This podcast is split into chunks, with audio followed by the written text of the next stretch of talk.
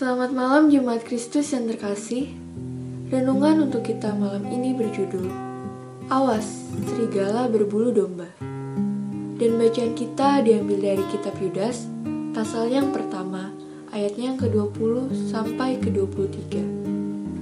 Beginilah firman Tuhan.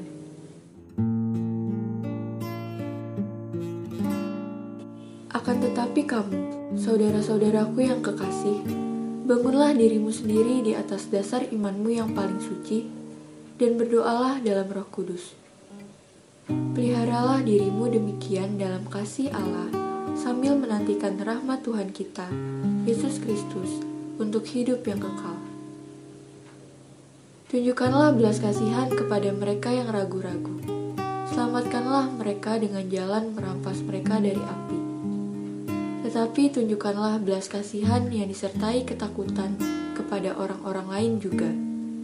Dan bencilah pakaian mereka yang dicemarkan oleh keinginan-keinginan dosa.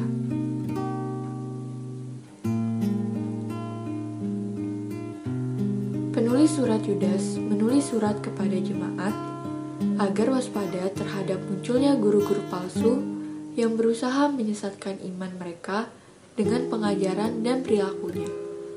Orang-orang yang terlihat begitu baik di depan mata, tetapi sebenarnya punya perilaku yang menyesatkan, itu bak serigala berbulu domba. Mereka telah menyalahgunakan kasih karunia Allah demi memuaskan hawa nafsu, mencemarkan tubuh, dan terang-terangan menyangkal bahwa Yesus Kristus adalah Tuhan. Jika sejak zaman dulu kehadiran para serigala berbulu domba sudah menjadi perhatian khusus, Bagaimana dengan keadaan gereja di masa sekarang? Seperti para jemaat di masa lampau, kita mungkin tidak mampu membedakan mana guru-guru yang benar dan mana guru-guru yang palsu. Karena penampilan lahiriah mereka yang terlihat baik. Dan Alkitab menasihati kita untuk selalu waspada dengan memperhatikan hal-hal berikut. Pertama, kiranya kita terus membangun iman berdasarkan firman agar kita semakin memahami kehendak Allah. Kedua, peliharalah iman kita berdasarkan kasih Kristus. Ketiga, sebagai saudara seiman, kita perlu menunjukkan belas kasihan kepada mereka yang mulai ragu akan kebenaran firman. Dan keempat, kita harus berusaha membawa mereka yang tersesat ke jalan yang dikendaki Allah.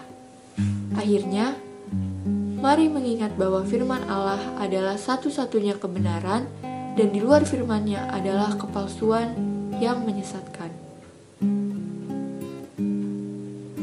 Ketika sebuah ajaran tidak lagi sesuai kebenaran Alkitab, ajaran itu adalah menyesatkan.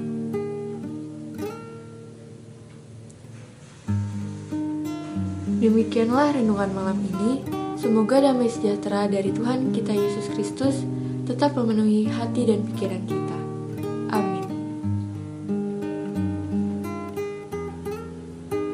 Jemaat yang terkasih, mari kita bersatu hati menaikkan pokok-pokok doa yang ada dalam gerakan doa 21 GKI Sarwa Indah.